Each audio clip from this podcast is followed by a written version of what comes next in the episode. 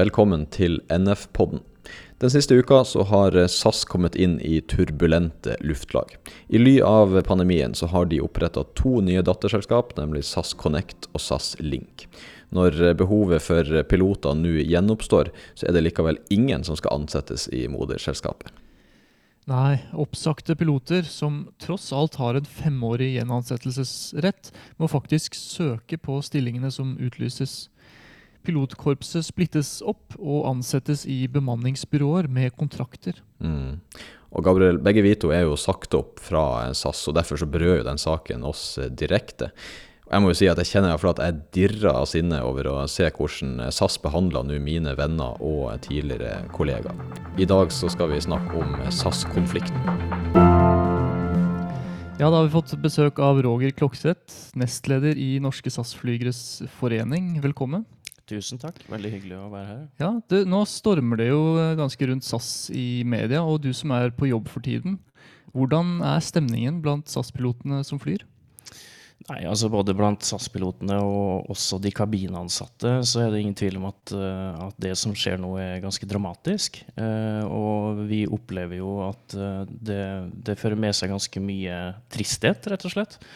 Fordi alle som eh, altså, jobber ute i flyene til SAS, er utrolig glad i SAS. Eh, og de har jobba i mange år for å bygge et sterkt og godt varemerke og, og, levere et godt produkt til kundene. da. Uh, og um, de blir fylt med veldig mye frustrasjon og sinne og rett og slett tristhet uh, av den retninga som ledelsen i SAS nå har valgt. da. Um, og det er veldig Ja. Eh, men når det er sagt, så må jeg berømme alle kollegaene mine. De er utrolig flinke til å liksom gå på jobb og gjøre jobben sin allikevel. Eh, og samholdet mellom de som er der ute og jobber sammen i flyene, er så utrolig sterk mm. at ja, etter min mening så er det det eneste som liksom gjør at ikke alt faller sammen, rett og slett. Ja. Mm. Kan du ta en kort oppsummering, egentlig? Hvorfor det stormer så mye i media nå rundt SAS? Uh, ja, jeg kan jo prøve å gjøre det kort. Altså, jeg kunne jo sittet i en uke og prata om det her. Ja. Um, men altså, den stormen vi ser nå, det kom vel egentlig som en spontan reaksjon etter at uh, ledelsen annonserte SAS Connect og SAS Link 28.9. Um, og for å forstå det, så tror jeg vi må sette inn i litt sånn historisk eh, kontekst. da. Um, for det her er et forsøk på å krone et verk, altså en reise som SAS-ledelsen starta på i desember 2017. Eh, da det første SAS Ireland-flyet tok av fra London Heathrow. Uh, jeg hørte om uh, det her nye selskapet som SAS skulle opprette i første gang i 2017. Da gikk det under et internt navn Newco, altså forkortelse for New Company.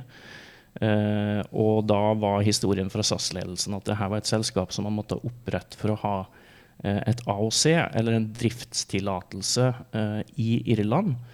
Fordi at det var den eneste måten man kunne stille trafikkrettigheter, eller såkalte slots, i London Heathrow som SAS eide, som sikkerhet og garanti for lån. Mm. så det var årsaken til at selskapet ble oppretta.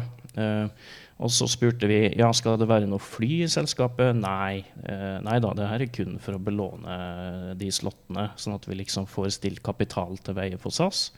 OK. Eh, og så fikk vi vite at nei, det måtte visst være ett fly allikevel. For det er vanskelig å liksom ha en driftstillatelse og et flyselskap uten å ha fly. Mm. Så OK, det skulle være ett fly, da. Eh, og så gikk det suksessivt til det vi etter hvert så i løpet av ganske kort tid. eh, hvor SAS Irland ble et flyselskap med opptil ni fly og to baser. Én base i London og én i Malaga. Det er viktig å forstå at um, det selskapet her det oppretter jo ikke nye ruter uh, som de fløy fra basene i London og Malaga. Så det var jo sånn sett ikke reelle baser. De fløy fra de to stedene inn til Skandinavia for å produsere på vårt rutenett og ta over våre ruter. da. Eh, det selskapet SAS Irland er det eh, selskapet som de nå da omdøper til SAS Connect. Um, og så har du et selskap til som uh, da heter SAS Link. Eh, og det gikk under navnet Midsize eh, før. Det var også en konstruksjon som skulle ta over fly og ruter fra oss. vi, ut, vi har fasa ut Boeing 727-600 og er i ferd med å fase ut Boeing 737-700 og fly altså med minne mellom 120 og 150 seter. eh, ligger i det her såkalte midsize-segmentet. da. Eh, og Der skal SAS kjøpe en ny flytype, Embraer E1, eh, som skal opereres av det her selskapet. da. Mm. Eh, så det, det, var liksom eh, planene til SAS. Eh, å på en måte ha de her selskapene som skulle ta over produksjon og egentlig arbeidsplasser da, fra, fra vi som jobber i SAS. Um, og så kom jo da um, covid-19 og pandemien. Um, og da, i løpet av ganske kort tid, egentlig, uh, så melder SAS at man uh, har tenkt å si opp 40% Ikke bare piloter, men også kabinansatte. 40 av arbeidsstyrken. Um, og det var altså i et klima der uh, regjeringa forlenga permitteringsordningene. Så man kunne altså valgt uh, å ha de her ansatte permittert, men man valgte å si dem opp. Uh, og piloter i SAS har seks måneders oppsigelsestid. Uh, og det, når du sier opp en pilot som er 100% permittert, så går du da altså fra at staten eh, betaler for den piloten gjennom Nav, eh, og eh, du slipper Altså du har null i lønnskostnader, til at du sier den opp, og du får seks måneder med full lønn. Mm. Og Hvis vi da for enkelhets skyld sier at uh, de her pilotene uh, tjener 500 000 i gjennomsnitt, da. Uh, jeg tror ikke de gjør det, men bare fordi at jeg er ikke så god i hoderegning. Uh, og så kan du si at, at, at SAS sa vel opp 540 piloter totalt. Men la oss bare se på Norge, da. Eh, så var det 200. Eh, så det vil jo si at eh, hvis du skal betale en halv årslønn til 200, det er det samme som at du betaler en hel årslønn til 100. Så det er da 500 000 ganger 100. Og det var altså det beløpet som SAS var villig til å investere for å få de her pilotene ut altså på gata, ut av selskapet. Mm. Og hvorfor det? Når de bare kunne gått permittert. Du kunne tatt dem inn på dagen, og du hadde hatt null i kostnader. da. Mm. Det, det, er jo det vi ser nå, uh, når uh, denne strategien med SAS Connect og SAS Link kommer. For nå sier SAS at ja, når vi nå skal uh, ta, når nå trafikken tar seg opp og vi skal få flyene i lufta igjen, ja, da skal de flyene vi tar inn, fordi at SAS holder på å kjøpe nye fly, da, man bytter ut flåten, men alle de nye flyene som kommer inn, de skal inn i SAS Connect og SAS Link. Og Der er det behov for folk, men der er det ikke noen ansatte ennå. Men vi har tegna en tariffavtale eh, med et eh, fagforbund i Danmark uten at det er noen ansatte der. Eh, og vi kommer til å rekruttere og legge ut uh, søknader, men ingen av de oppsagte fra opprinnelige SAS uh, har noe reansettelsesrett der. Mm. Og de ønsker nok heller ikke å ha så mange fra uh, gamle SAS der, tenker jeg, fordi det kan gi juridiske problemer i forhold til en virksomhetsoverdragelse. Mm. Og det er klart at eh, det her uh, utfordrer jo den nordiske modellen uh, som går på altså et ansvarlig, anstendig partssamarbeid. Og det står i sterk kontrast til tidligere praksis i selskapet, som har vært unikt i Skandinavia, og egentlig en modell for samarbeid på tvers av landegrenser. Mm. Og nå er vi jo der at 540 piloter, ca. 1700 kabinansatte, står på gata nå når trafikken tar seg opp igjen, og SAS trenger å få flyene i lufta igjen. Og vi mm. ser jo at SAS på daglig basis faktisk må kansellere flyvninger pga. at de mangler besetninger. Mm. Men de vil ikke ta inn uh, folk i gamle SAS. De skal sluses inn i de her nye selskapene i den tomme tariffavtalen på dårligere vilkår. Mm. Vi skal jo bare tilbake til 2015. Eh, da sto jo SAS der og, og eh, hevda og annonserte at de var liksom den snille gutten i klassen. Og hvis du ser etter pandemien, så Flyr har jo De flagga jo at de ansetter på De bruker jo det her med den, den nordiske eller skandinaviske modellen som liksom et et, et, innsalg eller en reklame. ikke sant? Og Widerøe har jo ikke sagt opp noen, de har jo henta alle tilbake. og så For meg det høres jo bare så utrolig umusikalsk ut at SAS som en sånn tidligere seriøs aktør bare skal gå helt stikk motsatt vei av alle de andre. Ja, jeg er helt enig med deg. Uh, og det er, jo, det er, jo, altså ingen av oss som forstår det. Uh, mm. Og SAS har jo forstått det her med bærekraft når det gjelder klima. Uh, og de bytter ut flåten til nye fly, og de er med på biofuel-satsinga. Og de ja, de, de, er langt fremme i skoene der i forhold til utvikling av elfly osv. Mm. Uh, men så viser man samtidig null forståelse at i 2021 så er jo sosial bærekraft uh, bortimot like viktig. Mm. Og det å liksom kunne være en anstendig arbeidsgiver det er noe folk legger merke til. da. Så jeg tror SAS-ledelsen undervurderer veldig eh, hvordan publikum og kundene våre reagerer på det som er i ferd med å skje nå. Mm. Men hva er motargumentet her? Fordi altså, SAS kontrer vel gjerne med å svare at de er nødt til å gjøre disse grepene for å sikre lønnsomhet. Men er det, altså er det riktig, eller er det et skalkeskjul for å splitte opp selskapet og, og pilotgruppen? Nei, Vi mener jo at det er uten tvil et skalkeskjul, som du kaller det. da. Um, altså Vi har jo gjort uh, analyser av kostnadene i SAS sammenligna med kostnadene hos andre flyselskaper, og vi ser et tydelig mønster. da. Uh, på alle andre områder enn crewkost, altså kostnader for besetningene, uh, så øker SAS sine kostnader markant år etter år. Og på alle de her områdene så ligger SAS med mye høyere kostnader enn konkurrentene. Så det, det, er liksom der de store besparelsene ligger og venter. Og vi forstår ikke hvorfor SAS-ledelsen ikke evner å ta tak i det. Eh, altså Bare for å illustrere litt eh, hva vi snakker om her. altså Pilotgruppen i SAS utgjør cirka, Altså nå snakker jeg pre-covid-19 i en Mm. sånn tilnærma normalsituasjon. Eh, så utgjør pilotgruppen i SAS ca. 6% av totalkostnadene. La oss si at du da eh, ved å gjøre det grepet her, bare for å ta et tall, eh, sparer 20% av de kostnadene. Ja, da kutter du 1,2 eh, av de totale kostnadene. Men så har du baksida av medaljen med det grepet her. Eh, flere flyselskap under altså samme konsern som på en måte skal dele det samme matfatet. da, Altså utføre produksjon fra de samme basene på de samme rutene. Eh, Det, skal, det setter opp eh, vegger som du ikke kan krysse i produksjonen, og du mister utrolig mye fleksibilitet ved såkalte irregularities. da. Og det er vi jo godt kjent med i Skandinavia, spesielt på vinteren. ikke sant? Um, en dag med litt sånn heftig snøvær på Gardermoen, så vet jo alle vi som flyr at du kan jo egentlig bare ta den der rosteren din og rive den i to, Mm. for du vet at du kommer til å gjøre noe annet. Mm. Og du blir sendt hit og dit til den maskinen og den maskinen, og nå skal du dit og nå skal du dit. ikke sant? Mm. Men når du da har to eller flere selskaper plutselig, så er det ikke bare å krysse over på den måten lenger. da. Mm. Eh, Så, så på slike dager som allerede er utfordrende for SAS som et nettverksselskap, så blir det jo eh, etter mitt syn helt uhåndterlig. Mm. For disse nye selskapene de har like mye med hverandre å gjøre som en, en hvilken som helst annen konkurrent, da, i sånn forstand? Ja, det kan du si. Eh, Så hvis Norwegian får eh, problemer, f.eks., så kan ikke de ringe meg og be meg om å ta en tur med, Nei, for Norwegian. Det, selv om jeg gjerne skulle gjort det. Det er ikke det. Man vil jo hjelpe. men, men, men det er ikke sånn det, det fungerer, da. Um, og et annet så, så du mister liksom den fleksibiliteten. Du bygger vegger i produksjonen, og i tillegg så, i og med at du da skal opprette flere flyselskaper som skal ha en egen driftstillatelse, så må du ha en administrasjon. da. Så du øker jo administrasjonskostnadene. da. Mm. Um, og så vet vi jo også, vi ser jo her i debatten at, um, at SAS uh, på en måte ikke ønsker å ansette våre oppsøkte piloter i de her selskapene.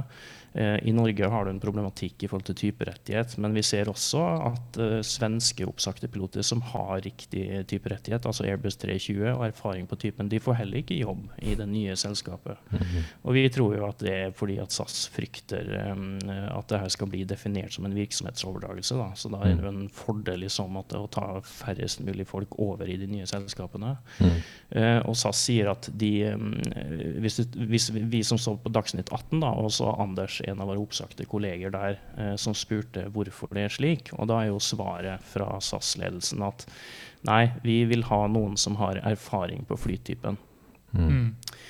Ok. Eh, Anders har jobba i SAS siden 2016 og fløy på rutenettet vårt med Boeing 737 i fem år. Eh, og han har ikke fløyet Airbus 320, men flyet det er jo et verktøy. Eh, alle vi som flyr, vet at eh, altså verdien i en pilot ligger jo i ferdighetene hans, erfaringer og holdninger. Altså summen av det. ikke sant? Mm. Og Anders har en utrolig verdifull erfaring, eh, fordi han har sittet, altså blitt eh, kasta rundt eh, i vinterstormene på Vestlandet og på Mm. Nord-Norge. Og han har hatt en erfaren SAS-kaptein med 20-35 års erfaring i selskapet og på rutenettet ved siden av seg. Mm. Og den kapteinen har kanskje 10-15 år som styrmann, hvor han fikk samme erfaringsoverføring fra sin kaptein osv. Så, videre, ikke sant? så totalt sett så har Anders nytt godt av 75 års erfaring da, Mm. eh, i det området vi opererer. Eh, men så sier SAS at nei, den erfaringen er ikke verdt noe. Vi vil heller ha noen som har erfaring på typen, for da slipper vi å betale 200 000, 250 000, som kanskje SAS betaler for et sånn type kurs. da. Mm. Og det er viktigere for SAS. Men jeg skal fortelle at eh, når den første gangen altså en Airbus 320 med to piloter som har masse erfaring på typen, eh, kommer til Tromsø eh, i en av de her stormene som får et navn, så eh, forsvinner den besparelsen på det type kurset veldig fort, når de liksom tar én titt på det infernoet som er under dem, og så snur de eh, og setter kursen rett tilbake til Oslo, som er det helt riktige å gjøre. Fordi at de har ikke erfaringsgrunnlaget til å liksom håndtere de forholdene og på en måte Eh, ja, når du ikke vet hvor grensa går som pilot, så kjører du det sikre alternativet. ikke sant? Mm. Og vi så det jo i praksis med Wizz Air. ikke sant? De gutta hadde jo masse erfaring på Airbus 320, men de hadde ikke vært i Tromsø noe særlig på vinteren. da. Mm. Eh, Så de snudde jo gang på gang, mens SAS landa, Norwegian landa, Widerøe landa. Og det er ikke fordi at vi pusher grensene, men det er fordi at vi vet hvor grensene går. Mm. Og den erfaringa vil ikke SAS ha med seg videre i det nye selskapet, og det er for meg helt uforståelig. Ja, Det virka som det var noen kunder som, som la merke til at uh, de ofte havnet i Oslo også. Ja, jeg tror det er vanskelig å gå glipp av at du havner i Oslo når du vil til Tromsø. Ja. Så det, um, ja, så det- jo Det gir jo sånne ringvirkninger, og kunder legger jo merke til det. ikke sant? Mm. Så, så, så jeg har veldig liten forståelse for den veien som SAS-ledelsen har valgt, og jeg, jeg, jeg, fatter bare ikke at de ikke klarer å se konsekvensen av det. Mm. Altså det å sikre den regulariteten vi tross alt har i det der eh, sinnssyke landet vi tross alt driver og flyr rundt i med de stormene som du nevner, og vær og korte baner og utrolig krevende forhold.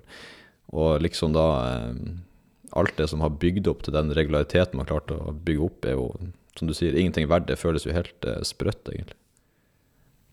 Ja, det gjør det, altså. Men det er klart du skal ha innsikt i det her for å liksom kunne sette de rette verdiene inn i regnearkene og i budsjettene. ikke sant? Mm. Um, så det, det er litt den derre altså hvor, hvor, hvor bra du klarer å gjenskape virkeligheten i planene eh, og i regnestykkene dine. da. Jeg tror dessverre det er der det kanskje skorter litt. da. Mm. Hva sier SAS egentlig når dere snakker med dem? Eh, nei, altså akkurat nå så Det er noe kontakt, eh, men det er ikke så mye kontakt, eh, dessverre. Jeg kan ikke gå inn på detaljer fra sånne samtaler her og nå, da. Akkurat nå så er jo den nye sjefen i selskapet, Anko van der Werf, i USA noen dager. Men vi har jo på en måte brakt til torgs et ønske om å finne løsninger sammen. Eh, hvor vi kan gå inn en god prosess hvor vi kan se på SAS sine behov eh, og våre behov, og finne noen felles eh, løsninger som liksom er til alles beste. Da. Eh, men det betinger jo selvsagt at den prosessen eh, som ledelsen kjører nå med de her nye selskapene, stoppes. For vi kan jo ikke bli leda inn i en sånn skinnprosess som ikke leder noe sted, mens jobbene våre forsvinner under nesen vår. Da. Mm. Um, så, men altså, jeg tror alle som jobber i det operative miljøet i SAS, altså piloter, teknikere, kabinansatte, det er ingenting de heller vil enn at liksom um, eh, den her slags internkonflikten mellom eh, den veien som ledelsen har valgt og de ansatte, at den opphører. At vi liksom kan komme sammen og bli én sterk enhet hvor liksom alle drar i samme retning. og vi, Hvor vi liksom i fellesskap skaper et sterkt og bærekraftig selskap da, som kan konsentrere seg om å møte den eksterne konkurransen og ta vare på kundene våre, eh, i stedet for å eh, altså rives fra hverandre på den måten som vi ser nå. Mm. En eh, sak vi ikke har snakka så mye om ennå, det er jo det her, eh, de jobbene som nå da utlyses i dette her SAS Connect, eller gamle Sail som det heter før. da. Så man blir jo ikke ansatt i driftsselskapet til SAS. Du blir jo ansatt i et bemanningsbyrå med en irsk kontaktperson i CAA Park Aviation. Hva, er, hva tror du er motivasjonen til SAS at de nå ansetter i bemanningsbyrå heller enn å ansette i, i selve SAS?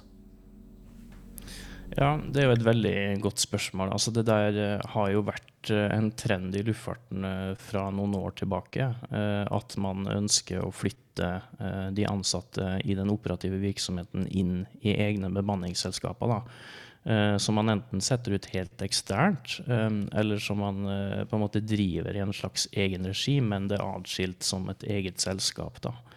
Um, så ser vi jo nå i det siste at det er flere selskaper som på en måte går bort fra den modellen.